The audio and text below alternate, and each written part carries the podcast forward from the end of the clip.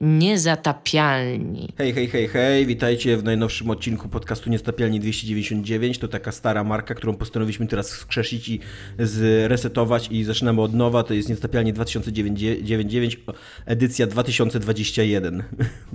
eee, nie 2099, tylko 299.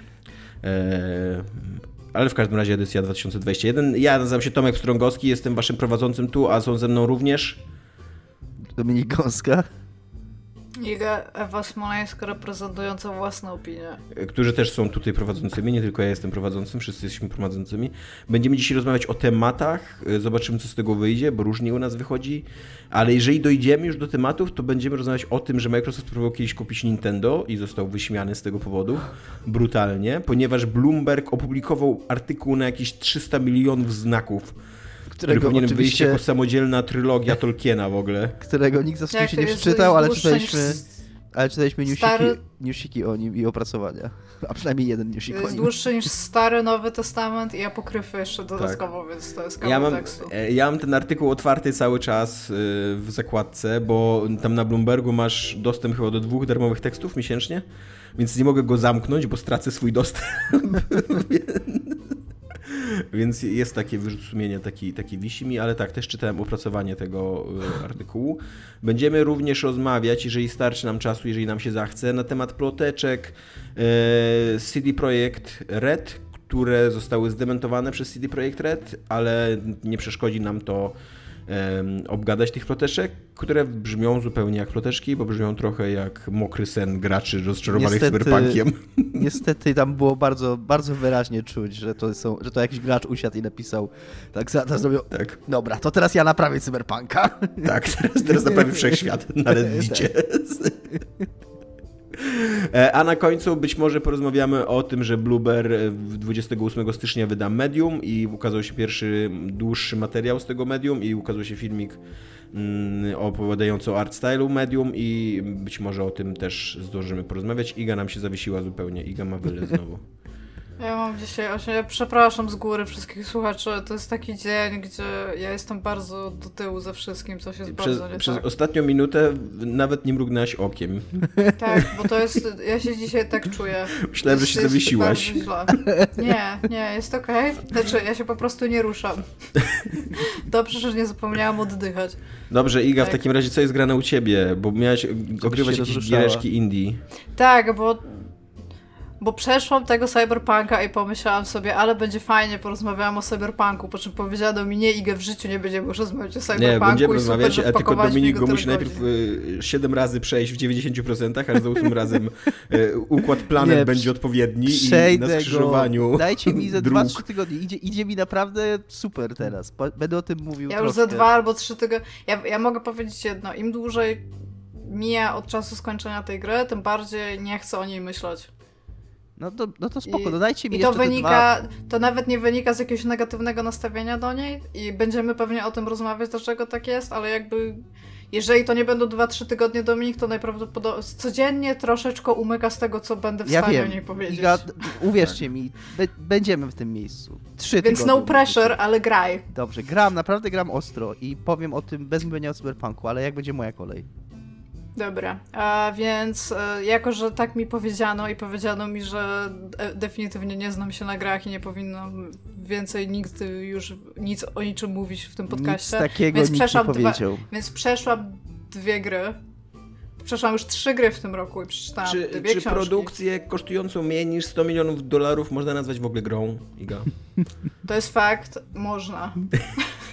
Przepraszam, y, Słuchaj, chciałbym... jesteś wolnym człowiekiem, możesz, możesz nadużywać definicji słowa gry, jak ci się tylko w życiu podoba. Przerywam. Słuchaj, powiem ci szczerze, nikt się za to nie zamknie w więzieniu, nikt nawet tego nie sprawdza. Przerywam program, żeby nazwać, dać ważny komunikat. Tomek Pilarski, który jest naszym słuchaczem, którego pozdrawiam, a propos gier za 100 milionów dolarów i innych, poinformował mnie właśnie, że pamiętacie o tej grze Stone Shard, o której wam mówiłem, taka super, takim złożonym systemem survivalowym i taką symulacją wszystkiego?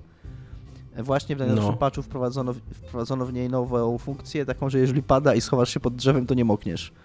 Koniec, to chciałem, tym się chciałem. Myślałam, że fishing minigame do niej dodaje. Wow, the future is now po prostu. Iga, co news. grałaś? Powiedz. Ale jest to, jest to moim trochę- zdaniem krok do przodu w porównaniu do Cyberpunka, bo pamiętam, że miałem takie oblicze w Cyberpunku, że deszcz padał przez ściany.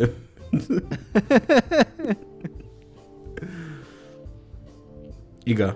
Iga. Tak, e, więc przeszłam dwie gry, w trzecią grę grałam, ale to będzie e, przejściówka do tego, w co grał Dominik, więc e, o tym powiem na końcu. I teraz tak, jedna z gier, w którą grałam, to była bardzo fajna gra, a druga z gier, w które grałam, to była bardzo niefajna gra. O której chcecie usłyszeć najpierw? O bardzo fajnej. Tak, Dobra, tej fajnej. to e, ostatnio zachciało mi się przez to, że przeszłam Cyberpunka pograć w takie troszeczkę mniejsze produkcje, w których, które być może nie są jakieś dorobione. Nie to, żeby Cyberpunk był super dobrze dorobiony, no ale w każdym razie. To takie, gdzie e, widać, że tam to, ta gra ma jakieś serduszko, że ktoś na tym się pochylił się, żeby ona była taka dobra, ale być może nie starczyło mu gdzieś tutaj pieniędzy albo skilla i to takie chciałam gry. I znalazłam idealną grę. E, Miałam ją bardzo długo już na wishliście i teraz dostałam ją również e, od naszego słuchacza i chciałabym pozdrowić Konrada.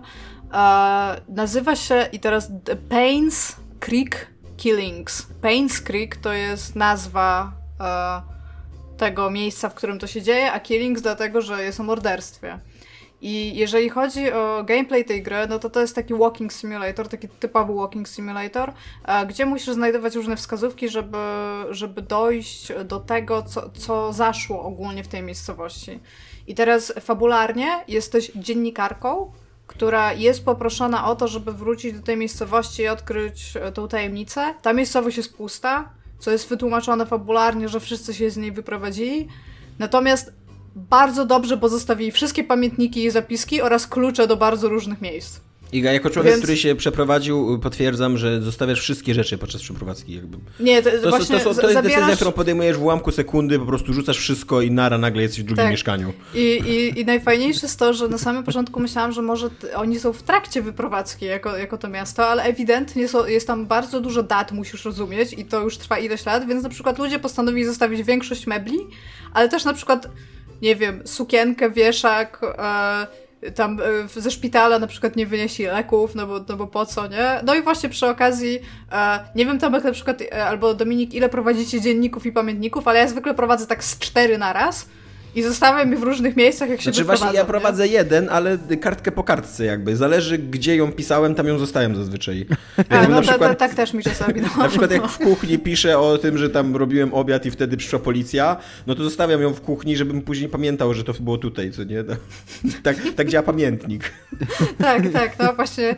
No i tak mniej więcej to wygląda. No i e, jak się przeskoczy troszeczkę na- nad, nad tym, jak, jak, jak to jest głupie, no bo jakby ja rozumiem, każdy z nas rozumie, że tak trochę działają gry i w taki sposób to jest zrobione, ale to jest bardzo ewidentnie już widoczne w tej grze i tak nawet troszeczkę bardziej podkreślone przez fakt, że bardzo często w tych pamiętnikach jest napisane, że muszę się spakować, bo niedługo wyjeżdżam z tego miejsca. To w ogóle, ale ten pamię- jeszcze, jeszcze pamiętnik chodzi o papier, to w ogóle jest spoko, bo w Cyberpunku to ludzie całe w ogóle mm, pendrive'y, co nie, porzucają tam z, zapisanym do połowy pliki, te, plikiem tekstowym, co nie, i tam, No okej, tak, no. widocznie te 300 giga już jest stracone w ogóle, bo mam tam pół strony TXT, co nie, nara, wala.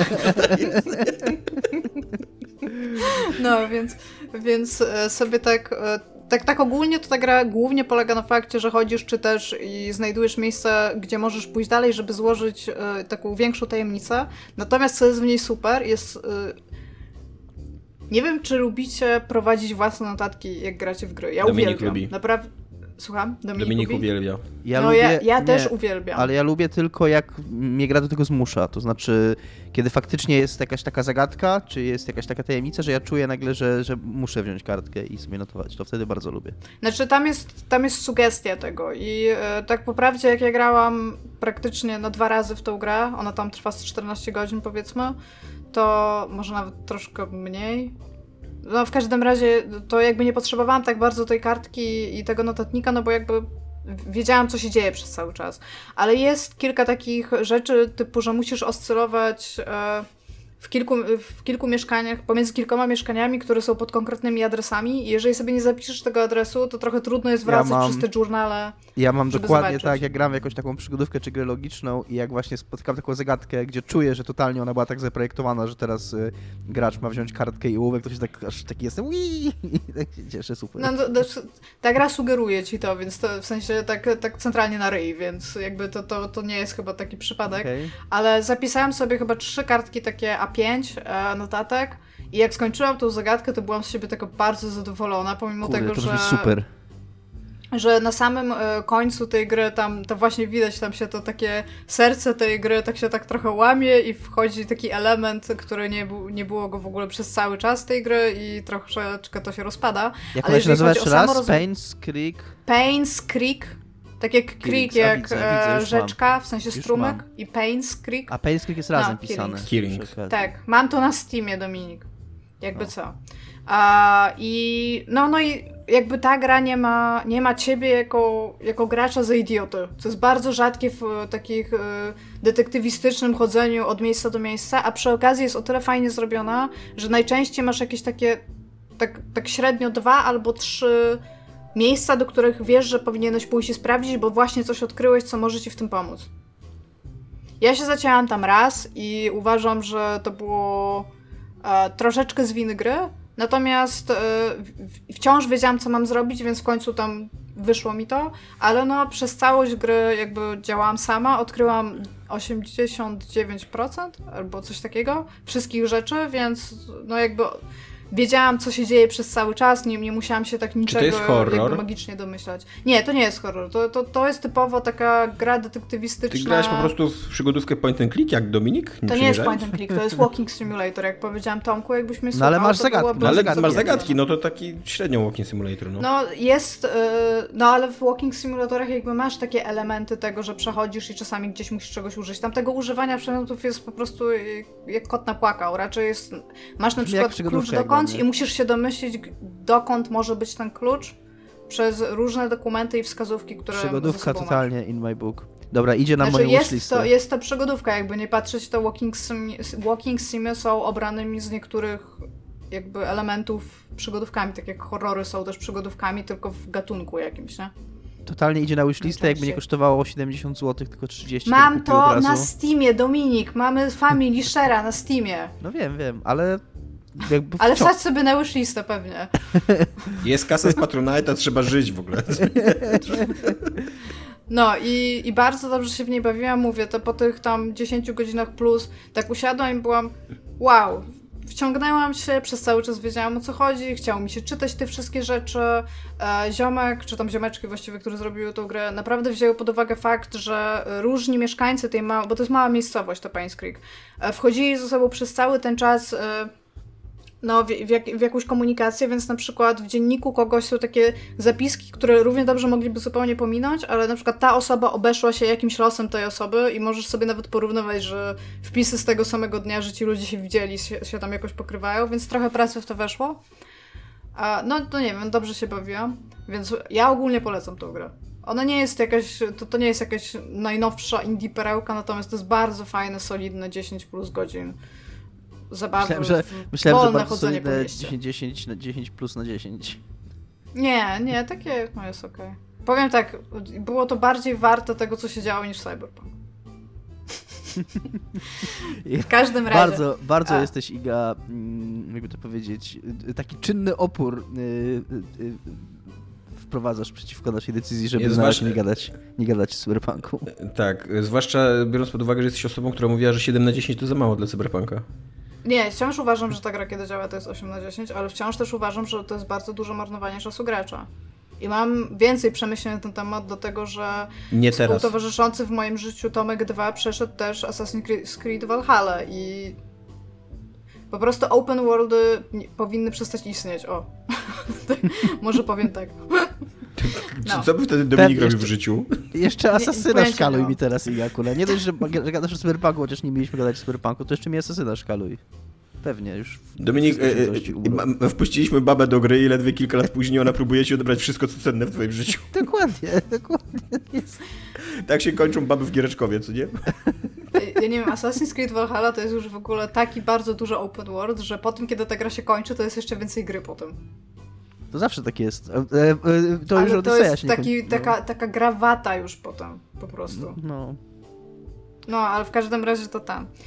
no, więc przeszłam to Pains Creek, Pains Creek Killings. Super jest w ogóle ta nazwa, bardzo lubię mówić na przykład cztery razy szybko, kiedy siedzę sama w pokoju. To nie wiem, czy pamiętacie, jakiś e, kilka lat temu wszyscy graliśmy e, w taką małą giereczkę, która się nazywa Digital A Love Story. Taka oparta na tak, tak. estetyce starych BBS-ów. Tak. No i, taka, i ona była taka fajna, świeża i naprawdę, naprawdę spoko. E, to ten sam ziomek, on się chyba w ogóle nazywa Love. Teraz jak o to myślę, to może być babka.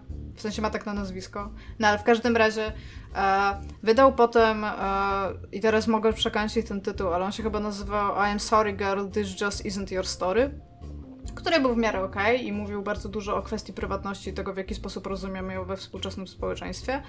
I wydał też coś takiego, co się nazywa Analog a Hate Story. Widzicie, po, widzicie analogię tych tytułów tak, Digital tak. Love trochę, Story i Analog a Hate Widzicie to? Trochę hejtuję tą Analog Hate Story właśnie z Tak, ale co więcej, ta gra jest po prostu fenomenalnie zła. w porównaniu do tego, czym było Digital Love Story. To jest super. visual novel który y, ma nawet ciekawy y, pomysł na siebie, jeżeli chodzi o świat, bo ty jako bohater w nim jesteś e, jakby takim trochę scavengersem informacyjnym, może takim trochę hakerem, który dostaje e, taką dosyć prostą robotę. Znaleźli statek, który wyleciał ileś tam set lat temu i został znaleziony na orbicie bez śladu życia i musisz jakby twoim zadaniem jest ściągnąć z niego dane. To, to jest tyle, co masz do zrobienia. No i kiedy tam przychodzisz, to musisz e, jakby w samej konsolecie aktywować AI, które pomoże ci to zrobić i wytłumaczyć, co być może zaszło na tym statku i które z czasem pozwoli ci uzyskać dostęp administracyjny, żeby te dane uzyskać i ściągnąć. No i tutaj zaczyna się robić taki bardzo dziwny, jakby ba bardzo dziwny założenia tego świata, ponieważ to jest głęboka przyszłość i automatycznie ci o tym mówi, że to jest głęboka przyszłość. Natomiast jakby jeden z bohaterów a, tego, co jesteś w stanie czytać w, w vlogach jakby tego statku, okazuje się, że jest jakby z przeszłości, która wciąż jest dla nas przyszłością, bo to jest tam 2400 któryś rok, który został zahibernowany i obudził się, ten, ten bohater w sensie, 600 chyba lat później. I się okazało, że społecze... coś się stało pomiędzy tymi latami i społeczeństwo przeszło z powrotem na takie założenia feudalne starej Korei i Chin.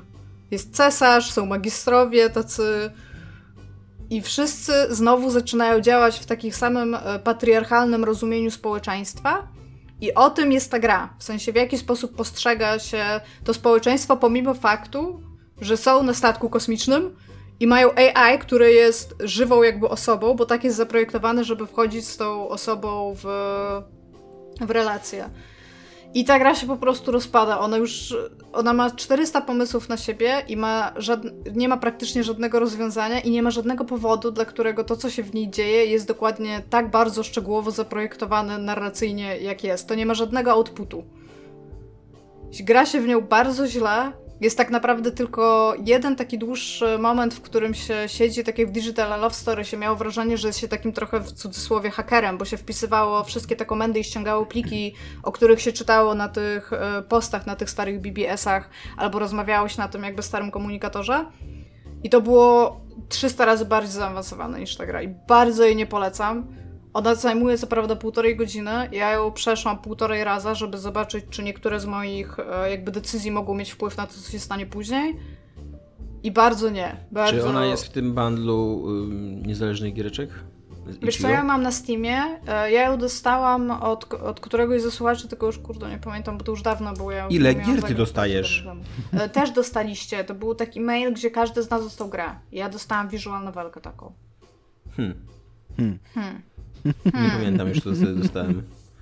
No dobrze, w każdym razie, będzie. w każdym razie już ją przeszłam i no nie, nie polecam tej giereczki. Dobra, to mamy ze sobą dwa, dwa indy, indy giereczki, dwie indy Tak, giereczki, ale jeszcze grałam w coś i zaraz oddam głos Dominikowi, bo to jest dobra przejściówka. Dominik, Monster Train, jak bardzo Monster to jest heroina. Train! Jak to jest bardzo... Okej. Jak bardzo to jest co? Przepraszam? Heroina. To jest totalnie heroina. To jest, to jest y, Slay the Spire all over again. Y, Monster Train to jest gra, która ktoś zagrał w Slay the Spire i to jest taka gra, która jest y, trochę dla Slay the Spire tym, czym Star Renegades jest dla strategii turowych. To znaczy, ktoś wziął Slay the Spire i powiedział, ok, fajne to jest, ale wiecie czego potrzebujemy? Więcej systemów! Y, Więc do takiego podstawowego deck buildingu, który jest Slay the Spire, dorzucono tam jeszcze trochę takiego jakby tower defense, bo ty gra się toczy na trzech poziomach, to znaczy W trzech lane'ach. To Trzech są takie typowe jakby- lane'y, jeżeli chodzi o, tak. o karcianki, na których ustawia się rzeczy jakby... Znaczy, no, no nie jeżeli chodzi o Turowo. typowo, jeżeli chodzi o karcianki, bo w karciankach raczej tak nie jest normalnie. A Nie no, ale masz rodzaj karcianek, które są podzielone na lane'y, że masz jakby trzy fronty, na których... Okej, to ja nie słyszałem, o stanie- kar- nie słyszałem o takich karciankach. Wiem tylko, że był, że coś takiego zrobili w y, Artifact, w tej karciance na, na, Też, też, na no. podstawie League of Legends, bo też chcieli jakby nawiązać do League of Legends. Doty. E, Do Doty, przepraszam, tak. E, I tu, tu generalnie jest tak, że tak jak w Slay the Spire miałaś tam, mia, miało się po prostu swojego jednego ludzika i za pomocą kart się jego ataki wyprowadzało i walczyło z przeciwnikami, których mogło być kilku, tak tutaj z tymi kartami się przywołuje potworki i rzuca różne czary i to się właśnie robi na trzech poziomach naraz.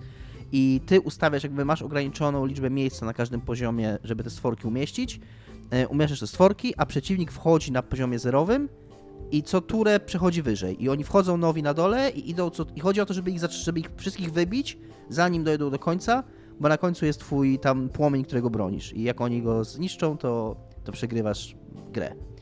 E, I jeszcze trochę o fikcji tej gry. Y, To jest gra, która się nazywa Monster Train. Ja jak grałem kiedyś w World of Warcraft, to, to, to się chyba wtedy nie mówiło się Monster Train, tylko Mob Train. To się, to się jak, jak się robiło agro na potworka, jednego i tak się ciągnęło potworki ze sobą, żeby biec i, i taki, taki pociąg właśnie z potworków robić, który biegł jeden za drugim i wtedy tym można było wbiec i jakiemuś innemu graczowi zrobić kuku, jak, jak powiedzmy walczył z jakimś bossem, żeby miał trudniej. To był taki trochę griefing. I to się wtedy Mob Train chyba nazywało. To mi się wydaje, że ktoś, kto zrobił grę Monster Train, tak usiadł i powiedział dobrze, no to jest ten Mob Train albo Monster Train.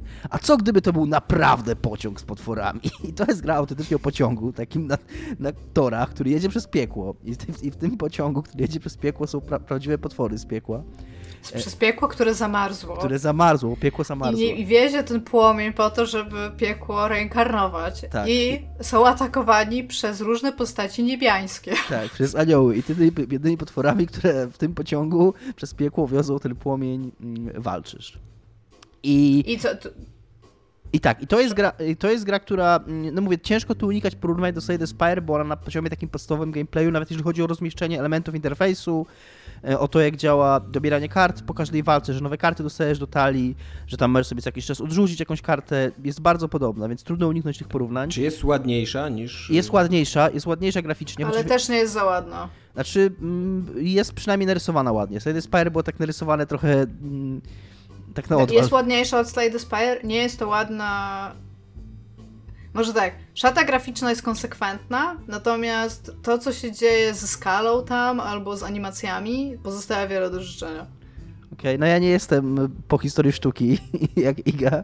To nie Dla- było jakieś mocno zaawansowane zdanie, które wyraziłem. Dla Dominik, mnie to było. Dobrze. Dla mnie to było okej. Natomiast y, ja tą grę y, zaskakująco, o ile ona na pierwszy rzut oka, właśnie przez to wprowadzenie dodatkowo tej warstwy strategicznej, wydaje się trochę przytłaczająca i, i jak się- zaczynałem w nią grać, to miałem wrażenie takie, że fajnie, że grałem w Slay the Spire, bo rozumiem to, co jest w niej ze Slay the Spire i mogę się skoncentrować na tym, co jest więcej, nie? I, I że miałem wrażenie, że to mi jakoś ułatwia granie w nią. Ale po pograniu w nią trochę dłużej, zdałem sobie sprawę, że ona jest de facto prostsza od Slay the Spire. Jest, y, to jest ta różnica, o której często my wspominamy i którą chyba pierwszy powiedział nie pamiętam teraz nazwiska, ale człowiek, który projektował X-Koma nowego, który w jakimś tam wywiadzie czy, czy w jakiejś rozmowie rozróżnił, że complexity to nie jest to samo co depth, że złożoność to nie to samo, że skomplikowanie to nie to samo co złożoność. Więc dla mnie Monster Train to jest gra bardziej skomplikowana niż Slay the Spire, ale mniej złożona. Więc jak już się przegryziesz przez to, przez to skomplikowanie, to ogólnie ona jest prostsza, jak, jak już się w nią wgryziesz. Przede wszystkim dlatego, że ona cię dosyć mm, bardzo dosyć bardzo, dosyć wyraźnie i konsekwentnie tak naprowadza na konkretne buildy kart, na konkretne buildy talii, które masz robić. Że tam dosyć szybko wiesz, mm, jaką talię masz składać, jak, z jakich synergii masz korzystać. Takie to jest y, dosyć tak, oczywiste. Tak, bo Dominik jeszcze nie powiedział, że nie gra się jedną talią. Zawsze się gra jedną tak. główną talią i drugą talią wspomagającą. Te talie się od siebie różnią, jeżeli chodzi o to, w jaki sposób się nimi gra. Tak. tak. Jeszcze dodatkowo każda z tych talii ma czempiona, główna. Tak. I w zależności od tego, jakim czempionem się gra, taki inny build będzie się tak naprawdę tak. robiło, bo ci tak, ale, ale jako, że, tak, ale jako, że każda talia jest konkretnie tam, ta jest od czarów, ta jest od y, tanków, ta jest od silnych potworów, ta jest od leczenia, ta jest tak. od leczenia i, i dosyć te role talii są wyraźnie takie czytelne dla gracza, te role tych bohaterów są czytelne i jak zaczynasz tę grę i tam zobaczysz, jakie talie wybrałeś i jakie artefakty ci się wylosowały, to dosyć już czujesz, co masz robić. Jak tam zagrasz parę razy, to już wiesz, ok, to teraz wiesz, które karty masz zbierać, wiesz, których masz nie zbierać. I to powoduje dwie rzeczy. Ta gra jest mniej dużo frustrująca, bo tam jesteś w stanie, na przykład jak sobie wymyślisz jakiegoś builda, dla mnie zdecydowanie tam numer jeden build to są ci niebiescy od czarów i ci zieleni od leczenia i w połączeniu to po prostu potrafi takie tam... Aksalotle i roślinki. To, to powinny takie po prostu tam, później rzucam za 700, za 1000 w ogóle te projectile w bossów i tam pokonuję ich w ogóle. Tam... To gram zupełnie inaczej, bo ja gram tymi umbra czarnymi, co zjadają wszystko dookoła i jako wspomagające mam tych e, czerwonych, czyli tak naprawdę tanki. Tak, no i, tak, no i jak sobie tak wymyślisz swoje połączenie ulubione, to możesz te rany powtarzać i to ci mniej więcej wyjdzie za każdym razem, to, ten build, który sobie wymyślisz. Lepiej lub gorzej, ale on ci mniej więcej wyjdzie. W Slade Spire było tak, że e, Slade Spire jest takie dużo bardziej takie, swing, takie swings, takie, ma, takie że wiesz, że, że tak się buja, że powiedzmy masz tam tego swojego ludzika, tam 3 czy 4 ludziki, które mają swoje talie, ale ta i liczba kart, i liczba kombinacji i tych synergii jest tak duża, że czasami w jakimś ranie ci nic nie wyjdzie kompletnie, że po prostu nic nie złożysz. I, i, będziesz grał po kilka godzin po prostu przegrasz i się nie udało, a za innym razem, tam za piątym, szóstym nagle ci wyjdzie jakieś takie połączenie, czy jakaś taka e, synergia, czy jakaś taka strategia, mm, że nagle myślisz sobie wow? Że, że nigdy czego wcześniej nie widziałem. Jest takie bardziej szalone Slay Spire, przez co potrafi być bardziej frustrujące, bo masz takie puste rany, że ci się po prostu nie udało, że ci się, że ci random number generator po prostu nie przypasował, a są takie, że nagle odkrywasz coś niesamowitego nawet po wielu, wielu godzinach ale wciąż wciąż... Y, jest to heroina taka totalnie, to jest taka gra, jeszcze jeden ran tak. i zaczynasz i, i, lecisz po prostu od początku do końca i na którymś bosie padasz, więc jeszcze raz, a jeszcze one ci odblokowuje karty co ran. A, tak. Znaczy prawie co ran, jakby co level e, talii, który, którą wbijesz i zawsze masz jakiś postęp i Jesus, po prostu... Chociaż wczoraj się już tak na nią wnerwiłam, bo miała, byłam super wykokszona i wzięłam, bo tam e, prędkość animacji i rozgrywki możesz sobie zrobić. Tak, tak. I już grałam na tym najwyższym, bo już byłam jak totalnie nie są w stanie podskoczyć. Nagle umarłam i się tak wnerwiłam, że w ogóle wyłączyłam Xboxa. Nawet nie wyszłam z gry, po prostu tam na Rex. Rage quit. Mm, ale tak, y, jest to piękno i dobro i jednocześnie heroina, bo też oczywiście jak pierwszy raz grałem, to tam grałem z 12-14 godzin w nią, bo ja jestem strasznie podatny na takie gry. Mm, gdzie tam karcioszki są i się wylosowuje nowe i odblokowuje i znajduje nowe strategie i tak. I jeszcze jak się przejdzie, to się dostaje nowe koszulki na nie i to jest takie cute, bo potem na przykład tej nie weźmiesz, bo na, już na tę masz koszulkę, więc bierzesz jakąś inną, która jest 300 razy gorsza, a na niej jeszcze nie masz koszulki, więc totalnie bierzesz tą. O. Jest tak, jest, y, jest naprawdę dobra ta gra. Jest w Game Passie przy okazji, podobnie jak Slay Spire, więc można sobie pograć, można sobie porównać, jak ktoś ma Game Passa więc tak. Druga rzecz, e, o której muszę opowiedzieć, bo ujrzałem światło, e, a światło to nazywa się Google Stadia. I jest to zaskakujące. Nikt się tego nie spodziewał, daj chwilkę ludziom. No, Jest to zaskakujące dla mnie mm, na pewno tak samo bardzo jak dla was, którzy tego słuchają, bo mm, ja pamiętam jak sam byłem sceptyczny co do streamingu gier i nie wierzyłem w to, że to może działać. I znajomy z pracy kolega Robert Heft, którego możecie kojarzyć jako kolegę od żony e, i opowieści o mm, seksie oralnym w pociągu, powiedział to mi... jeżeli ktoś nie zna kontekstu, jeżeli ktoś nie zna no. kontekstu, to to było bardzo dziwne zdanie. No w sumie, nie pomyślałem o tym. Tak, chodzi o to, że Robert swego czasu puścił swojej żonie nasz podcast, odcinek, w którym akurat Tomek opowiadał o, tej, o, tym, o tym zajściu. Tak, to mogło być totalnie źle zrozumiane. Yy, No i Robert powiedział mi, że gra w Cyberpunka na stadii jakiś czas temu i że bardzo dobrze mu się sprawdza i że bardzo dobrze mu się gra. I ja byłem totalnie taki, okej, tam spoko, mi się dobrze gra na konsoli, yy, więc ja tam grałem dalej. Yy, I w pewnym momencie mnie strasznie zaczęła wkurzać ta wersja konsolowa. Ja wiem, że ja mówiłem, że ona działa ok i mi się długo grało ok, bo wbiłem z 50 godzin tego Cyberpunka na konsoli. Natomiast niestety mam wrażenie, albo ja miałem po prostu wcześniej super szczęście i mi się to szczęście wyczerpało, albo coś jest na rzeczy, bo im dalej, tym gorzej. I to nawet nie chodzi o performance, bo to, do, jakby z nim się nauczyłem żyć, tylko chodzi o to, że ta gra mi się zaczęła naprawdę irytująco często wieszać, tak wysypywać, że nawet mi się potrafiło akurat w ciągu godziny dwa razy wysypać, dwa razy w tym samym miejscu. Nie? I, I stwierdziłem, że po prostu ok, zostawiam tego cyberpunka, nie grałem z tydzień, w tym czasie grałem w Valhalla i że poczekam aż go spaczują. No ale tak czekałem, czekałem, patch nie wychodził, no to stwierdziłem, dobra, no przypomniałem się te stadia, odpaliłem Destiny, które jest darmowe, więc polecam każdemu w ogóle, kto się zastanawia. Konto na stadii można założyć tam trzema kliknięciami, bo to jest konto Google tak naprawdę. Więc jak masz konto Google, no to po prostu tam musisz jakieś zgody zaznaczyć i tam OK i masz konto stadii.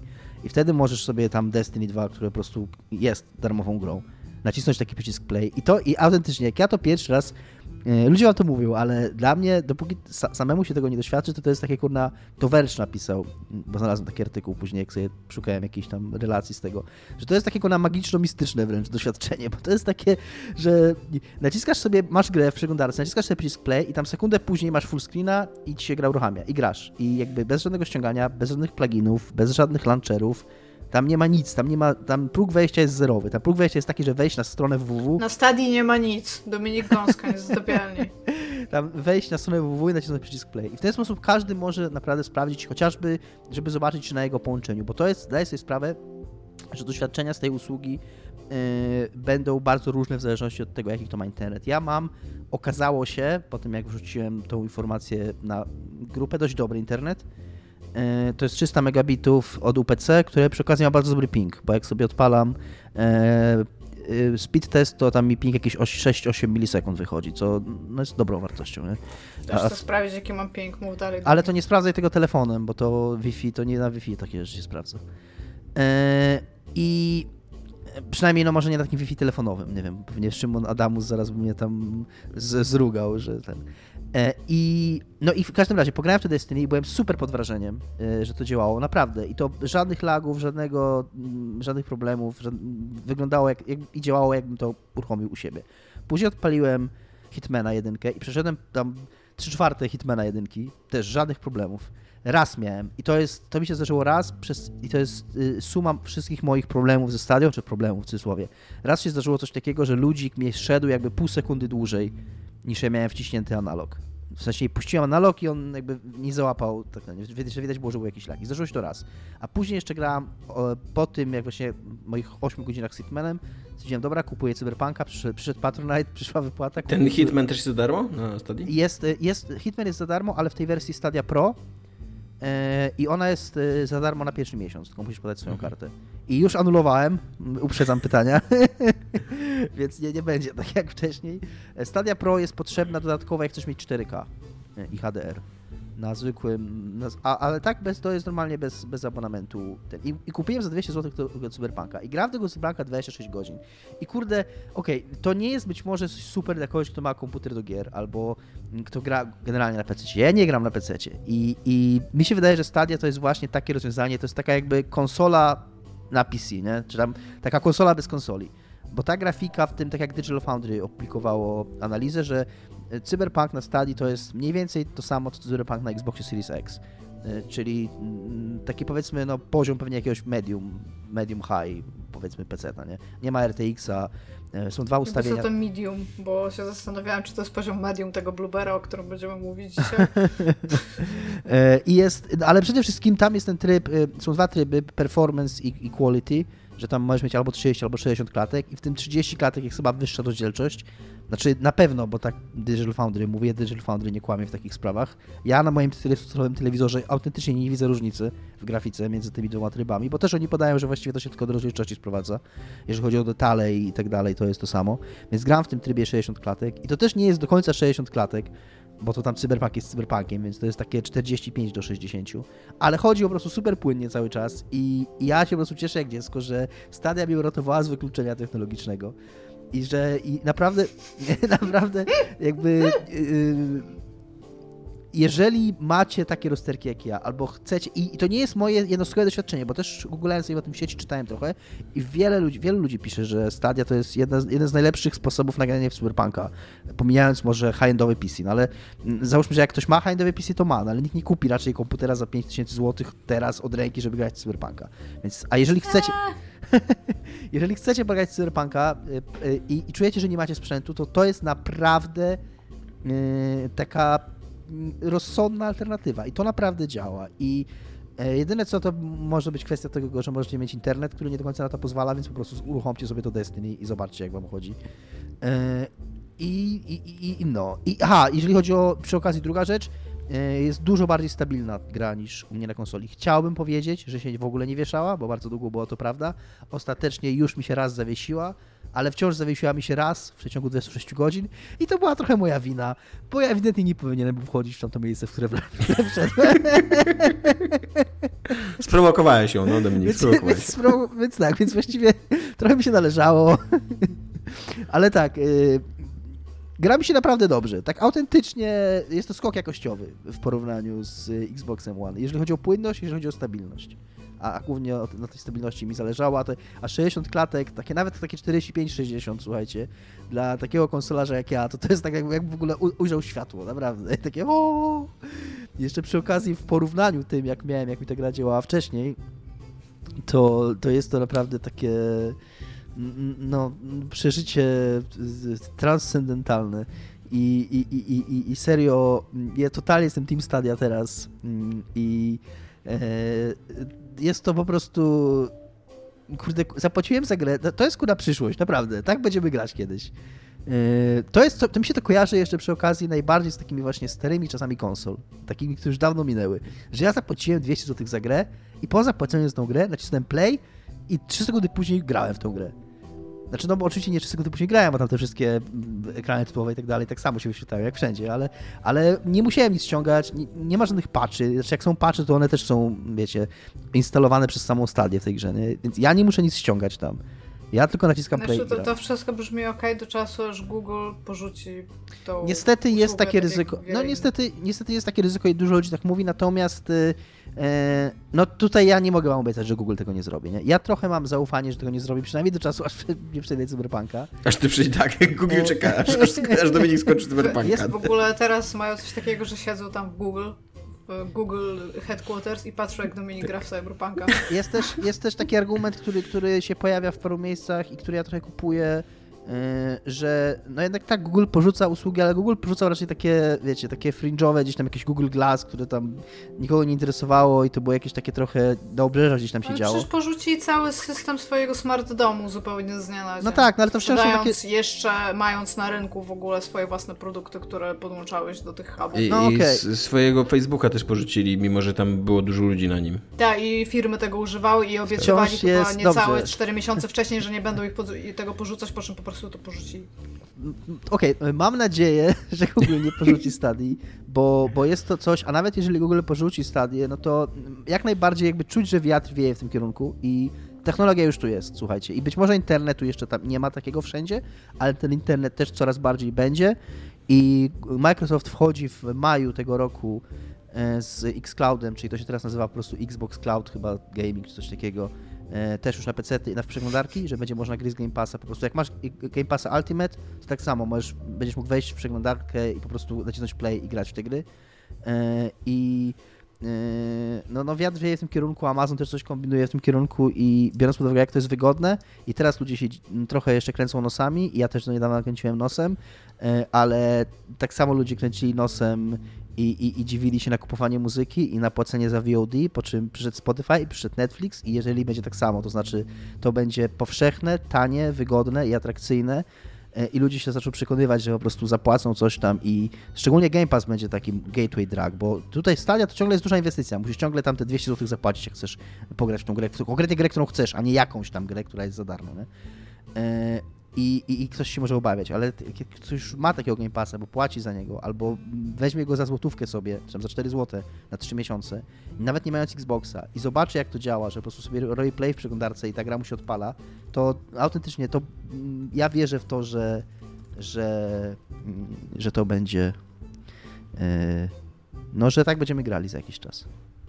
E, tymczasem u mnie yy, film taki popularny dosyć. Ja, ja nie do końca chcę o nim rozmawiać, ale stwierdziłem, że o nim nie rozmawialiśmy jeszcze i że głupio by było. Ja go widziałem całego, Dominik go widział w 3 czwartych, więc głupio by było, żebyśmy przegapili ten film. Jest Tenet który w środku pandemii y, wyszedł w kinach po to, żeby zabić kilka osób, a teraz wyszedł na mm, streamingach różnych. Y, można go za 17 zł obejrzeć na jakimś, nie, nie pamiętam nawet na jakim serwisie go znalazłem. No ale w każdym razie e, moje, mo, moje w ogóle podejście jest takie, że absolutnie nie warto było zaryzykować ani jednego życia do tego filmu.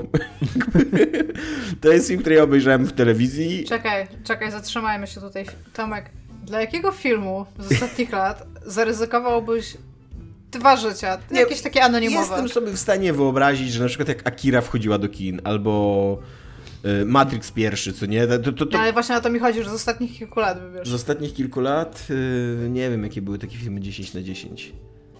Peterson jest taki, jest taki film, taki indie, tylko że to jest film indie, on nie musi być w kinie oglądany. No nie wiem, no ciężko mi powiedzieć. Dobra, nieważne. W każdym razie Tenet y, Christophera Nolana jest to film, nie da się ukryć tego faktu. Jest, jest to, jest, ja, ja, to jest film akcji o podróżach w czasie. E, tylko to jest, to jest taki film akcji, który nie jest jakimś super filmem akcji i nie jest zbyt poważny, jeżeli chodzi o te podróże w czasie swoje. A przy okazji on jest bardzo agresywnym filmem akcji i bardzo agresywną lekcją fizyki. Jakby to jest, ja się czułem trochę tak, jakbym grał w Call of Duty, bo on jest bardzo Call of Duty w ogóle. Tam te, te wszystkie akcje są takie bardzo właśnie, takie komandowskie w ogóle, takie, takie w ogóle wszystko na ostatnią chwilę, na, na, na, taki, na, na wysokim C w ogóle grane, na takim patosie i tak dalej. I jednocześnie jakby to Call of Duty co 5 minut krzyczało do mnie zadania, takie, takie wzory skomplikowane z fizyki. Albo słuchaj, ile jest albo X, Tomek, kurwa, albo, ile jest X? Albo Tomek, albo Tomek, albo, jakbym, albo jakbyś grał w Call of Duty, a ja, a ja bym ci obok puszczał na YouTubie filmiki o fizyce moje. Tak, tak, totalnie. Jakby, jakbym na przykład tak, jakbym na przykład brał udział w jakimś takim pościgu e, e, taki, taki, takim adrenalinowym, po prostu uciekalibyśmy, nie wiem, przez Gdańsk przed policją, co nie? Ale na, na, na ekranie, na, na, zamiast, zamiast szyby, to był taki ekran właśnie z YouTube'em i tam jakieś leciały jakieś wzory. e, Bawiłem się, zaskakująco się bawiłem spoko, bo Dominik mnie bardzo na, e, nastawił na to, że to będzie, że on się źle bawił, on nie obejrzał nawet do końca i tak dalej. E, ja się bawiłem, ja się bawiłem spoko na tym filmie. E, I nie żałuję, że go obejrzałem i przez całe te tam, on chyba ponad dwie godziny trwa, dwie i pół chyba.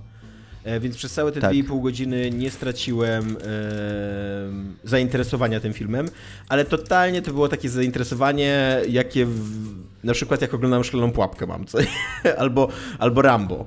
E, tylko mówię, tylko tutaj co jakiś czas jeszcze musiałem tak chciałem, zastanawiać. Chciałem powiedzieć tylko chwilkę, chwilkę, stop, stop, stop, bo e, incydentally Ostatnio oglądałem Szklaną Pułapkę pierwszą i jest to film, kurna, tak. 100 razy lepszy Właśnie, od, właśnie już, od już jak to mówiłem, tak sobie pomyślałem, że nie, że Szklana Pułapka 1 była zajebista. e, ale jakby tak, nie, nie żałuję tego. Jest to przedziwny film pod względem takim, e, taki, takiej sztuki jakby, bo, bo to jest film i nie da się temu zaprzeczyć, ale czy to jest sztuka? Jeżeli weźmiemy pod uwagę, że sztuka polega na jakiejś empatii, budzeniu uczuć, e, nie wiem, poznaniu czegoś i tak dalej, to nie, to Christopher Nolan wydaje mi się, że nie do końca wie, jak działają istoty ludzkie i jak działają emocje i i o co chodzi w zasadzie z tymi kobietami, bo to jest drugi jego film, w którym kobieta jest po prostu nakładką emocjonalną na mężczyznę i, i nawet, nawet w ogóle jej, jej, jej, jej spisek, bo tam ona, oczywiście ten film w pewnym momencie staje się wielowątkowy i te, te, ten taki wielki hajs końcowy się dzieje tam na, na, na kilku płaszczyznach fabularnych naraz, to ta płaszczyzna fabularna, gdzie kobieta jest, to, to jej zadaniem jest być nakładką emocjonalną na mężczyznę. Jakby ma utrzymać tego mężczyznę w złudzeniu szczęścia tak długo, aż w drugim, w drugim wątku um, uratuje się świat, co nie? Bo, bo też przy okazji um, jest to film literalnie o ratowaniu świata, tak jakby wszystkiego, jakby tam w ogóle oni całą historię, czas, w ogóle ziemię, wszystko ratują na, na, naraz. Um, I tak, no jakby to są takie moje podstawowe przeży przeżycie, tak, takie przemyślenia, że, że nie jest tak zły, jak pomyślałem, jak myślałem, że będzie, bo tak jak mówię, Dominik zaraz będzie tu mówił, dlaczego mu się nie podobał i tak dalej. Y, Wie... Ja musiałem najpierw się dowiedzieć, dlaczego Dominik wziął tylko 3 czwarte tego filmu. No bo y, odpadł Dlatego... po 3 czwartych, a później nie wrócił ja go, oglądałem, ja go oglądałem y, dosyć zmęczony i dosyć na kacu i się bawiłem źle, i uważam, że ten film nie ma sensu. Na takim podstawowym poziomie konstrukcji fabuły on ma takie... Ja nie jestem człowiekiem, który absolutnie, który ma jakoś sobie przeszkadzają dziury fabularne. Natomiast tak jak Tomek powiedział, on nie ma, ten film nie ma w ogóle żadnego takiego emo, żeby cię obchodziło, co się z tymi tak. ludźmi dzieje. Tam Więc główny bohater tylko... dosłownie nazywa się protagonistą, jakby nigdy nie pada jego imię i to dosłownie pada w dialogach, że jesteś protagonistą, co nie? I tam nawet, nawet jest dobry dialog na ten temat, że oni mu mówią, e, że on mówi, że e, I am the protagonist, nie? A oni mu mówią, nie, you are a protagonist. Nie? To jest nawet dobry dialog. Udało im się zrobić z tego dobry. Ale to nie zmienia tego, że to jest taka zwykła kukiełka, która przepychana jest przez film i tak. gówno cię obchodzi, co się z nią stanie. Więc jedyne, co w tym filmie zostaje, to ta zagadka. Ta zagadka, no zaraz o tym powiem więcej, ale po prostu mnie znudziła i stwierdziłem, że to nie ma sensu i że szkoda mojego czasu i że wolę spać niż to oglądać dalej. A przy okazji miałem to wypożyczone mm, na Apple TV. Y, sprawdzałem przed chwilą 15 zł kosztuje. E, i miałem na to 24 godziny, chyba 48 jest, żeby obejrzeć. To nawet mi się nie chciało następnego dnia, e, mimo że zapłaciłem, włączyć na to i po prostu już stwierdziłem, że e, w dupie to mam. No właśnie tak, bo my nie powiedzieliśmy w ogóle o co chodzi w tym filmie, a każdy film Christophera Nolana ma na siebie taki wielki pomysł. No to tu chodzi o to, że jest jakaś super tajna agencja antyterrorystyczna, tylko że takie jakby antywszystko jakby. Tutaj ten terroryzm jest taki globalny i całkowity. Jakby planem głównego złego jest literalnie wy, wykoleić historię świata, jakby wyczyścić ludzkość z istnienia. Co nie jakby. Dlaczego? Bo wiesz dlaczego? Bo on umiera i jest bardzo smutnym człowiekiem, bo ta jego nakładka emocjonalna kobieta go, go nie kocha, więc on stwierdził, że skoro on jest nieszczęśliwy, to się zabije razem z całym światem. To, to, to, jest, to, jest, jego, to jest jego plan. To, jest zdrowe, tak, tak ludzie powinni reagować, no. Więc, więc ta kobieta musi wrócić do niego i utrzymywać go przy życiu, czyli we względnym szczęściu, tak długo, aż uda się uratować świat w drugim wątku. Co nie? E, więc tak. E, no i, i jakby w pewnym momencie, jak już, jak już się dowiadujemy o co chodzi, bo tak naprawdę jakby, jakby spisek się dzieje od samego początku tego filmu. To nie jest tak, że ten film ma jakiś wstęp. Tam się wydaje, że on ma wstęp, ale później oczywiście okazuje się, on jest że. w ogóle. To... Nie miałeś wrażenia, w ogóle Tomek, przepraszam, że on jest tak strasznie chaotycznie, dziwacznie pocięty, że tam jakoś takiej przyczynowości w ogóle momentami nie ma. Ja no, nie wiem, czy to jest zamierzone. Wiesz co, y, miałem takie wrażenie, ale on, on y, ta przyczynowość jest, jak zaczynasz na niego patrzeć z dwóch stron. Tak jak ten film ci, ci, ci, ci przekonuje do niego. Bo, tak jak, bo te, tak, tak w końcu myślałem, dojdę do tego wielkiego coś, pomysłu, tak. że y, tak. okazuje się, że istnieją jacyś źli ludzie z przyszłości, którzy opracowali technikę cofania czasu jakby i oni chcą, żeby czas, żeby zawładnąć naszym czasem, bo w przyszłości Ziemia już jest na skraju y, upadku, katastrofa ekologiczna już prowadzi do wyginięcia tej, tych ludzi w przyszłości, więc oni chcą odwrócić bieg czasu i zacząć żyć w naszym czasie jakby, co nie? Oni tak jakby tylko właśnie cofanie... Tylko, nie mogą, tylko, to że, nasz czas. Tylko, że właśnie Iga, to cofanie się w czasie jest tam potraktowane bardzo dosłownie. Tak. Bo to nie chodzi o to, że oni się cofają, tylko oni idą w, jakby w drugą stronę. odwracają bieg czasu, co nie? Tak... Od, że, że, że ich strzałka czasu jest jakby w przeciwnym kierunku, więc my ich widzimy jakby widzą szli do ty... wszystko, co tak. my robimy odwrotnie. Tak, tak, i my widzimy wszystko, co oni robią odwrotnie, Dokła, dokładnie jak, jak ich spotykamy. I, i to są takie specjalne gify. Najbardziej spektakularne sceny akcji polegają na tym, że bohaterowie poruszają się w dwóch perspektywach czasowych, dwóch, wiesz, i na przykład walczą ze sobą i ty, to, to wygląda jak totalna szamotanina, jakby ma sens tylko z jednej perspektywy. I ty widzisz tą scenę akcji z dwóch perspektyw, tylko pomiędzy jest godzina filmu jeszcze, a później wracasz, aha, to o to chodziło, co nie tutaj, z tym dziwnym tak. typem i, i, i wtedy jakby to nawet nie wygląda specjalnie spektakularnie, to dopiero jest, daje ci takie no poczucie, aha... Polega, Właśnie problem polega na tym, że według mnie te sceny akcji to jest fajny jakby koncept, ale Tak. to nie, to, to jakby wizualnie to nie wygląda fajnie, ta Tak, bijatyka taka, to wygląda jak, taka, tak jak mówisz, taka szabotanina i, i to jest też przy okazji tak, te, raz, że to źle wygląda, a dwa, że to też trochę nie ma sensu, jak się nad tym zastanowić. Jakby, że, że tam, tam jest taka y, słynna scena, słynna, bo ona się w trailerach y, wszystkich chyba pojawiała, y, kiedy bohaterowi po raz pierwszy tłumaczą działanie tego, tego fenomenu i on, położona jest przed nim kula od, od pistoletu, która powiedziane mu jest, że ona się właśnie porusza w czasie w przeciwnym kierunku. I on ma wyciągnąć rękę i wyobrazić sobie, że upuszcza tą kulę i ona przez to, że się porusza w przeciwnym kierunku, ona mu jakby wraca do ręki. I jak to się skleja z faktem, że ci ludzie tak naprawdę, którzy się poruszają w drugim kierunku czasu, oni podejmują świadomą decyzję, że oni coś robią i nam się tylko wydaje, że oni się poruszają do tyłu. Jak to połączyć z tą kulą, która nie podejmuje żadnej decyzji, tylko to człowiek, który się porusza w swoim kierunku, podejmuje decyzję, a ona porusza. Jakby jak to się skleja wszystko w jedno? Nie wiem. Wydaje mi się, że Christopher Nolan też nie wie. I to, to jest takie wszystko bardzo, bardzo handwavy, za przeproszeniem. Więc tak, więc jeżeli chodzi o ten montaż, wracając do tego, to y, jak o nim chwilę pomyślałem, no to tak, to to ma jakieś, to się skleja. Tylko właśnie to jest taki film, na który trzeba patrzeć z dwóch stron, że się akcja dzieje wstecz i, i, i, i nazad, co nie? E, ale, ale z drugiej strony na przykład jest tak, ja, ja już miałem ten problem z Interstellar, że mi się nie za bardzo chciało rozwiązywać zagadkę Interstellar, bo mnie nie, nie jakby y, tam ten punkt dla mnie, którego ja nie przetrawiłem, to był ten o sile miłości jako wartości fizycznej. I za pierwszym razem go zupełnie nie przetrawiłem. Później, później jakby przy kolejnych e, seansach trochę łagodniej już podchodziłem do tego filmu, ale za pierwszym razem bardzo mnie odrzucił. E, Ale na przykład, na przykład w Incepcji jakoś e, kupiłem tą dramę emocjonalną i, i mnie interesowało mnie, co się tam dzieje naprawdę. Później, kurde, oglądałem te wykresiki i tak dalej, i tak dalej. Nie? I jakby wydawało mi się, że, że jest we mnie jakaś taka chęć, żeby zrozumieć przyczynowo-skutkowość tego filmu, na którym etapie snu oni byli, w którym, na którym poziomie, gdzie tam jest limbo i tak dalej, nie? A z tym Tenetem totalnie miałem tak, że obejrzałem ten film, aha, on chyba będzie miał sens, jak o tym pomyślę, ale nie będę o tym myślał. mój, mój wysiłek to były te 2,5 godziny, jak siedziałem przed telewizorem, spoko, nara, nara następny film, co nie? Ja tylko szybko, żeby nie, nie przedłużać tego tematu, ja jeszcze dodam to, że ja, jak wiecie, mm, jakby to jest trochę mój konik, takie niskobudżetowe filmy o podróżach w czasie, tam parę ich obejrzałem. E, Był Primer, było, było taki hiszpański film Chrono Crimenes, Time Crimes, było coś takiego jak Time Lapse. To są filmy, które e, są często bardzo kiepskie aktorstwo, aktorsko i takie bardzo niedorobione technicznie, ale właśnie mają bardzo dobrze przemyślaną tą, tą Jeszcze swoją, to z high tym, concept. z Ethanem Hawkiem, pre, E, predyspozy- Pre, pre, predestination. Predestination. Predestination, o właśnie, no. I to, są- to, są, to są filmy, które można bardzo wiele zarzucić, ale które przynajmniej na poziomie takiej zagadki intelektualnej działają. Jakby, a Tenet na tym poziomie jest super basic. Taki, jest taki. Tam są takie. Nie, nie chcę mówić.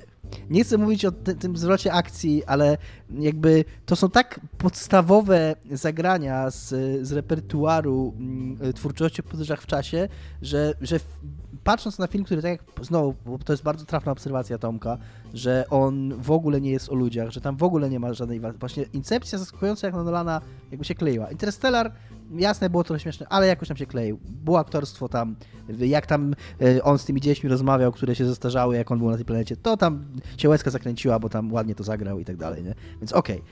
To przynajmniej jakoś to cię trzymało. Tutaj w ogóle tego nie, w ogóle mnie nie obchodziło, więc zostaje tylko ta warstwa intelektualna. A ta warstwa intelektualna jest strasznie rozczarowująca. No. Znaczy, w ogóle ja miałem taki problem z tą warstwą intelektualną, że on, e, te, te, te jego poprzednie filmy, znaczy no może nie Interstellar, ale na przykład Incepcja była bardziej intymna na poziomie akcji. Memento i tak dalej, co nie, to są takie filmy intymniejsze. A tutaj, e, no tutaj jednak te sceny akcji to są autentycznie takie wojskowe bitwy, e, takie, takie komandowskie super akcje, co nie? Jakby to nie jest najlepszy setting do rozmyślania na temat w ogóle paradoksu czasu. No, no ja patrzę na ludzi, którzy do siebie strzelają, skaczą przez budynki, wysadzają wszystko w powietrze i nie, nie, jakby nie, nie w głowie mi teraz, kurde, jakieś twierdzenia Einsteina, co nie? To prawda.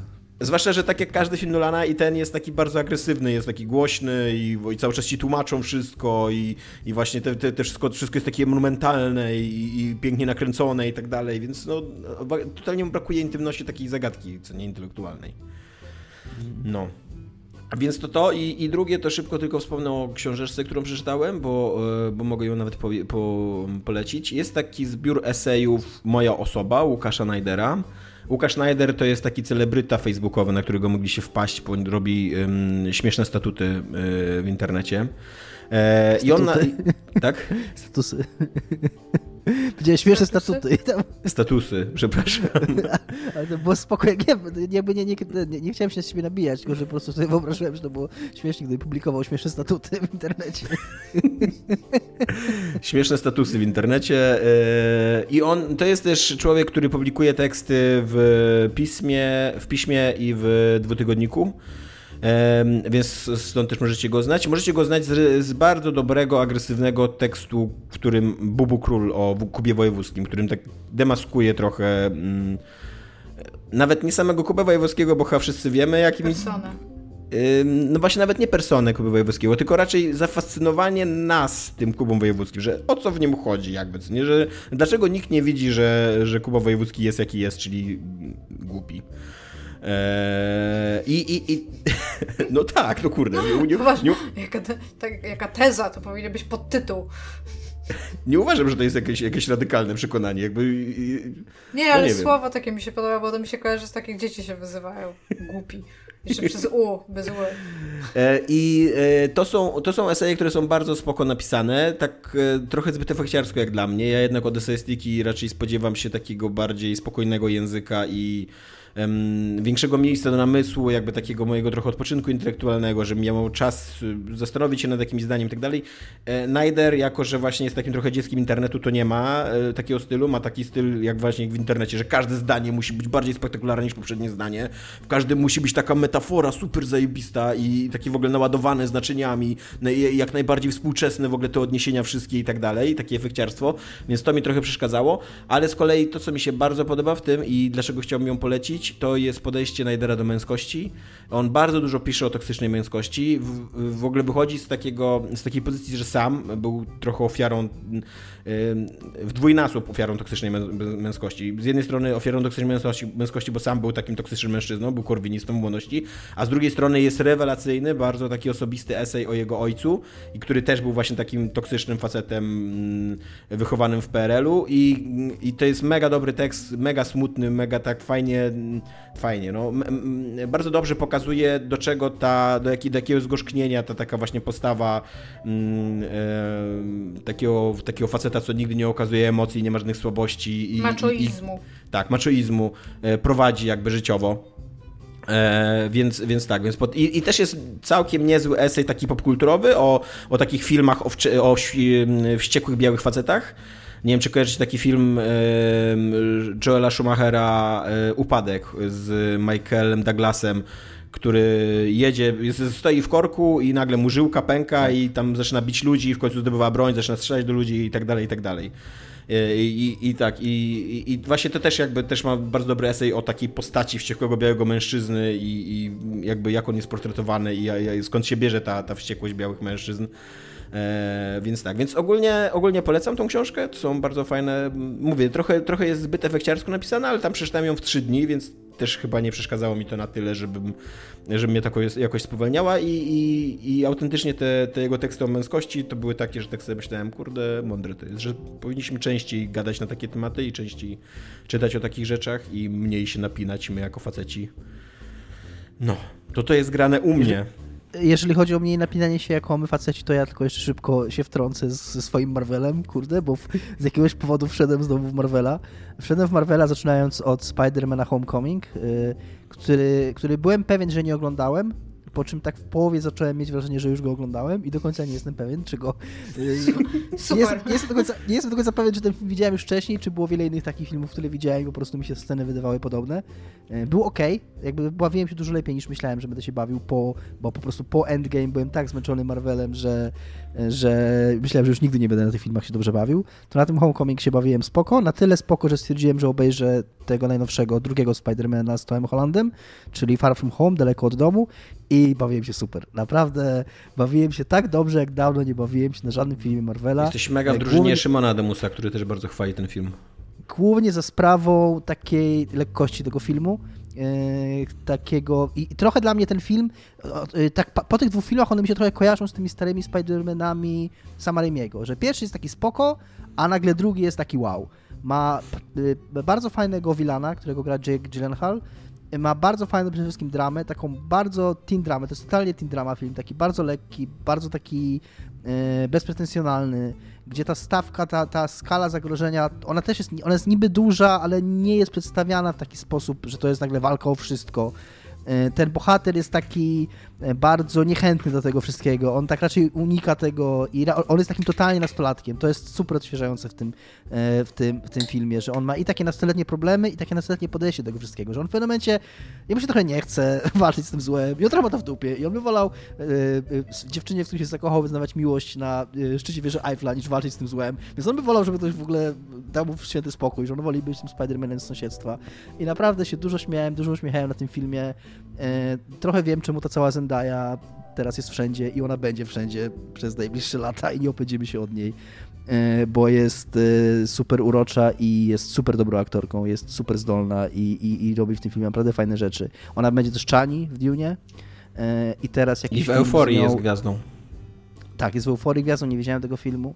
I też jakiś serial, przepraszam, i teraz jakiś film z nią i z Johnem Davisem Washingtonem. John Davis on się nazywa? W każdym razie z synem Denzela Washingtona z nią e, i z nim na Netflixie będzie jakiś taki intymny o związku. Więc e, no, będzie, o niej, będzie jej dużo w najbliższych latach, jestem przekonany, ale, ale z, z dobrych powodów. No, wydaje się bardzo zdolną aktorką i i, i bardzo fajno, bardzo fajnie odwraca w tym filmie. Ona, ona już to robiła w pierwszym, ale w pierwszym ona była trochę z boku. Bardzo fajnie odwraca schemat takiej love interest, y, takiej postaci, która jest właśnie nagrodą dla głównego bohatera. To ona jest tutaj taka y, i jest tak grana, jak taka super awkward. I ten cały romans między głównym bohaterem a nią jest taki z dwóch stron. Znaczy widać, że oni oboje się ku sobie mają, że to nie jest tak, że ona jest jakąś tam, wiesz, wielką, wielką, wielkim trofeum, które gdzieś tam czeka do głównego bohatera, jeżeli tylko zrobi co trzeba, tylko że oni się oboje mają ku sobie, tylko oboje są nastolatkami i są tacy super niezręczni w tym. E, I, i cały ten film jest właśnie taki fajny, miły, niezręczny i, i po Endgame i po tym ca całym kurna patosie i, i nieznośnym kurna napuszeniu Marvela było to dla mnie tak fajne, że mogłem obejrzeć znowu film superbohaterski. Ja mam, ja mam tylko jedno pytanie, Dominik. bawiłem. Czy skoro pierwszy No. film nazywał się Homecoming, a drugi się nazywał Far From Home, to trzeci się będzie nazywał Home Alone? Możliwe, możliwe. Znaczy, w ogóle według tych e, tytułów to jest coraz dalej, coraz dalej od domu, to właśnie to może być jakiś prequel, to co ty mówisz, Home Alone, potem jest Homecoming, potem jest Far From Home, a teraz tam... Później Home Homeless, Never o, to będzie trzeci. O, Homeless też może być. No. Więc tyle. E, No, dobra. E, Co jest grane najdłuższe chyba w historii podcastu? Ponad godzinę już gadamy o tym, co jest grane u nas. E, więc idziemy do temacików. Najważniejszy temat ma Iga, więc od niego zacznijmy. Iga, Reddit, CD Projekt Red. Czy spełni nasze marzenia ta firma w końcu o grze idealnej Cyberpunk 2077 Go? No więc użytkownik, i zapomniałam jako, że to jest Reddit, zaraz powiem e, jaki to jest użytkownik, natomiast powiem najpierw co zrobił. E, pojawił się taki, taki post na, na Game Leaks, on był potem kilkakrotnie e, jakby jeszcze cytowany na, no, na tam różnych subredditach, no typu Cyberpunk 2077 albo tam Video Games, więc jakby trudno było na niego nie trafić, jeżeli w ogóle jest się w jakimkolwiek reddicie, który jest w jakimkolwiek związanym z grami. A zo- został jakby opisane to, co, co, się, co się stało w Cyberpunku, niby z punktu widzenia deva. CD Projekt, jak już mówił Tomek na samym początku tego tematu, powiedział, że tak, że tak się nie stało. Pan się nazywa Artistic, Artistic Tab 4. Jakby co? Jakby zostało to ocenione jako coś, co nie jest e, prawi- prawdziwe w jakikolwiek sposób, natomiast e, Najpierw internet się bardzo wz- wzniecił tym postem. tak, znaczy z dwóch stron. E, połowa internetu, jak to połowa internetu powiedziała, że to totalnie nie jest prawda i nie ma w tym ani w ogóle źdźbła prawdy, druga e, jakby połowa łyknęła to bez popita, jak to robi internet. A co on tam obiecał, Iga? A, znaczy, co on obiecał? On ogólnie jako sfrustrowany dev, który miał bardzo dużo jakby wspólnego z samym developmentem Cyberpunka 2077, przede wszystkim wylał tam swoje żale na temat tego, ile oni to nie zrobili kontentu, ile z tego kontentu musiało wylecieć, z bardzo takich jego zdaniem arbitralnych y, powodów, typu, że komuś się nie podobała się jakaś rzecz, albo że y, jego zdaniem na przykład y, pierwszy aktor, który grał Johnny'ego Silverhanda był dużo lepszy niż to, co zaoferował Keanu, ale był jakiś taki przymus od góry e, e, inwestorski, żeby tam była jakaś gwiazda, więc Keanu Miało być na przykład całe podziemie Night City tam. Tak, jako takie malkawiańskie e, rzeczy, które możemy pamiętać z, Blood, z Bloodlines, Maska, znaczy z Vampire the Masquerade Bloodlines, które tam zostały też e, jakby podciągnięte po to. Miały być e, różne rodzaje taksówek, miało być więcej questów, był cały jeden questline, który za bardzo został napisany, znaczy jak się nazywa pan, który odpowiada za Cyberpunka? Imię i nazwisko. Pondsmith. Mike, Mike Pondsmith. Tak, tak, tak, tak. Mike, o to mi chodzi. Że Mike napisał, on tak w ogóle po imieniu tam tak śmiesznie napisał w tym reddicie, że, znaczy w tym poście, że Mike napisał bardzo fajny wątek, który niestety nie był dobry, jeżeli chodzi o taki e, tematyczność i wagę, takie zabarwienie emocjonalne w stosunku do reszty gry, które musieli wyciąć i ogólnie mówi to, ile tego tam nie wycięli, jaki on jest w ogóle niezadowolony. Natomiast mówię, że CD Projekt planuje taki, e, taki comeback trochę jak No Man's Sky i że w czerwcu 2021 roku najprawdopodobniej spodziewać można się e, jakby dużo, dużo lepszej gry, która będzie miała więcej kontentu, a reszta, jeżeli, i to jest, to jest fajne, bo to też jest takie call to action e, ludzi, którzy są niezadowoleni z Cyberpunka, tak. że jeżeli ludzie będą zwracać grę i prosić o, o ten content, który został wycięty, to on najprawdopodobniej do gry wróci. Stąd to my jesteśmy odpowiedzialni za to, jaki ten Cyberpunk tak. będzie i to, to tylko i wyłącznie w naszych najbardziej... rękach to leży dla mnie to jest właśnie najbardziej taki, jeden z takich najdobitniej pokazujących fragmentów tej wypowiedzi, że to jest totalnie napisane przez jakiegoś gracza, który sobie jakby urodził w głowie taki pomysł, że to on teraz y, spowoduje mm, tym postem niejako, że, że w Cyberpunku pojawią się rzeczy, których w nich nie ma, a które on by chciał, żeby w nim były. Znaczy, ja, ja bym to chciała coś innego powiedzieć. Jak dla mnie, czy ta osoba y, pracowała nad y, jakby cyberpunkiem, czy to jest gra, czy to jest dev, nie ma żadnego znaczenia. Jeżeli ktokolwiek e, pracował albo miał w ogóle jakikolwiek związek z kilkoma studiami growymi różnych e, jakby stopni, to jest w stanie wysnuć po prostu bardzo prostą metodą, jeżeli jest inteligentnym człowiekiem, że wszystko to, co on napisał, jest niezwykle prawdopodobne i nie ma w tym żadnego problemu, żeby w to uwierzyć lub w to nie uwierzyć. Ja jestem w stanie napisać e, z mojej znajomości no, iluś tam studiów i developmentu bardzo wiele postów, które sprawdziłyby się wobec każdej innej firmy, jakby patrząc pod uwagę na to, jak powstaje kontent do gier i jak się nim zarządza. Może niekoniecznie A... sprawdziłyby się, ale brzmiałoby wiarygodnie, co nie? Znaczy, ale jesteś w stanie w takich ogólnikach pisać, że jesteś w stanie napisać jakby receptę na to, żeby się sprawdziło wszędzie, nie? Jest e, niezwykle mało gier, które są zaplanowane w jakiś sposób i dokładnie w taki sposób, jak zostały zaplanowane, zostały wydane i to się wiąże z czasem, e, technologią, osobami, które są jakby czynną częścią tworzenia danej gry w danym momencie. Jest naprawdę bardzo dużo jakby zmiennych e, i bardzo dużo też stałych punktów, jakby, w których gry powstają i jesteś w stanie w jakiś sposób je tam naszkicować. To co, na, to, to, co jest tutaj napisane, jest prawdopodobne, że było, czy to jest prawda? Who fucking cares, tak naprawdę? E, w każdym razie typ to napisał e, z punktu widzenia takiego bardzo rozgoryczonego e, Deva, który właśnie obiecuje, Ale że... z jednej strony, tak, to jest z jednej strony człowiek, który się y, przedstawia jako taki szeregowy dev, a z drugiej strony ma y, wiedzę o tym, jak wyglądają rozmowy pomiędzy szefostwem CD Projektu a Sony. To, to, to jest coś, co mnie tak... tak. Nie, no ja, ja y, znaczy, zgadzam się z Igą, absolutnie zgadzam się, że znaczy to nawet nie trzeba wiedzy na temat tak. tego, jak się powstają gry. Wystarczy spojrzeć na Cyberpunka żeby wiedzieć, że tam się działy rzeczy, że są z pewnością, jest z pewnością wiele rzeczy, które miały być w tej gry, a w niej, a w niej miały być w niej, a w niej nie są. Y, wiele planów, wiele wizji, wiele marzeń twórców gry, ale ja osobiście w wiarygodność y, tego posta nie wierzę ani trochę, w sensie, że, że to jest faktycznie ktoś, kto być może jest to jakiś bardzo szeregowy pracownik, który ma jakąś bardzo szczątkową wiedzę, a resztę sobie po prostu wymyślił, bo tak jak powiedział Tomek, dla mnie to rozrzucenie perspektyw, które tam jest i to takie i to takie właśnie odwoływanie się, że teraz gracze o tym zdecydują, co w tej grze będzie, no to bardzo podejrzanie mi brzmi. Dla mnie to zupełnie nie ma znaczenia, czy to jest prawda, czy to jest nieprawda, natomiast czy, czy CD będzie starał się naprawić Cyberpunka? Pewnie tak. Pe pewnie będą starali się w jakiś sposób sprawić, żeby to było lepsze doświadczenie. Czy wprowadzą nową treść, czy to będzie DLC, czy po prostu jakiś pack w patchu większej ilości questów. Być może i spoko. Natomiast ludzie już skończyli tę grę w bardzo dużej liczbie. I ja nie wiem, czy jest czegokolwiek, czy, czy po skończeniu tej gry jest naprawdę po co do niej wracać. Wiesz co, ja, Iga, y, znaczy na pewno wydaje mi się, że ma sens ratowanie tej gry i... Ale ja nie mówię, że, czy, ja mówię, że tak zrobili. Ja się pytam, czy ma sens do co? niej wracać po tym, kiedy ją skończyłeś.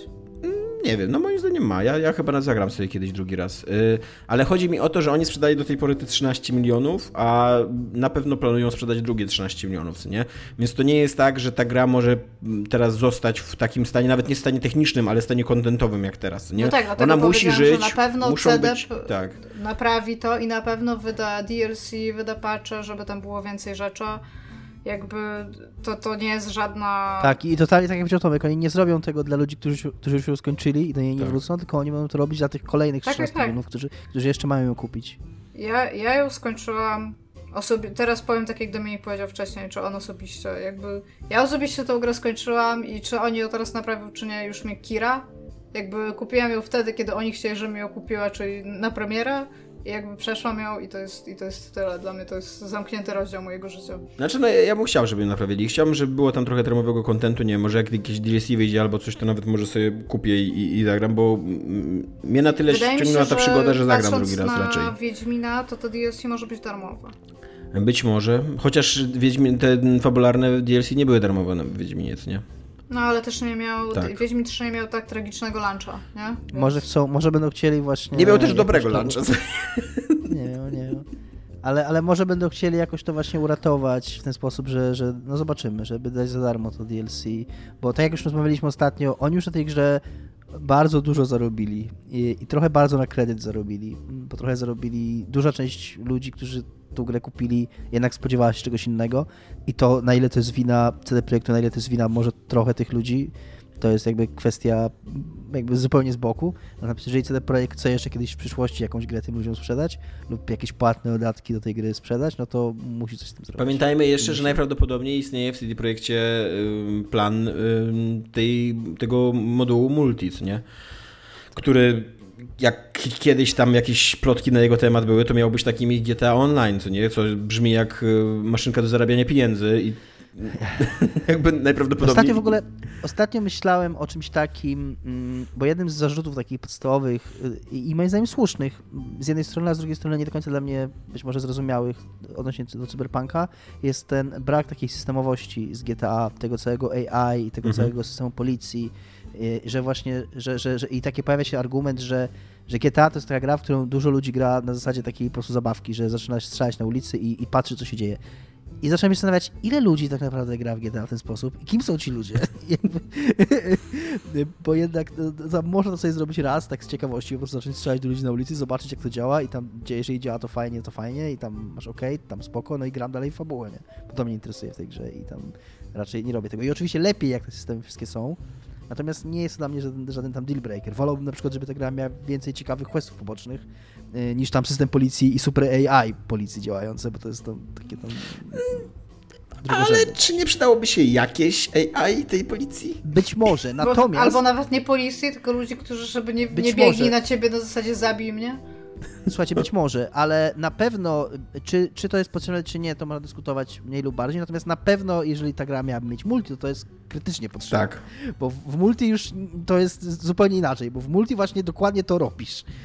I, i, i biorąc w multi połowa patrząc... ludzi, którzy założą konto, po prostu będzie policją i w ten sposób rozwiążą sprawę niedziałającego policji. Być może, być może. Ale tak, no właśnie patrząc na to, jak, y, jakie w tej takiej warstwie systemowej ta gra ma braki, no to tego multi to ja totalnie nie widzę na teraz.